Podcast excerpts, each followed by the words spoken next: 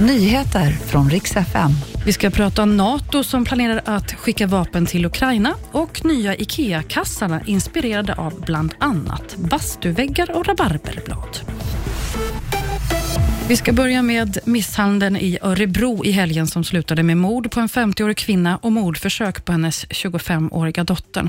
Dottern har kunnat peka ut en gärningsman. Hon kände igen en 25-årig man från skoltiden. Han är gripen och har också erkänt att han var inblandad. Men vad som ligger bakom händelsen är fortfarande helt oklart. Det verkar inte finnas någon relation mellan gärningsmannen och offren. NATO har bestämt sig för att de ska öka stödet till Ukraina. Ukraina behöver mer vapen och ammunition för att kunna hjälpa landet att stå emot den ryska offensiven. Det här säger NATOs generalsekreterare Jens Stoltenberg. Och så ska vi avsluta med att prata om en ny design på vad som kan vara, kallas en riktig vardagsklassiker. Vi svenskar använder den till det mesta, som tvättkorg, träningsväska eller kanske till flyttlåda. Jag pratar om IKEA-kassan som ska få en ny design igen. Tidigare har vi sett bland annat en regnbågspåse.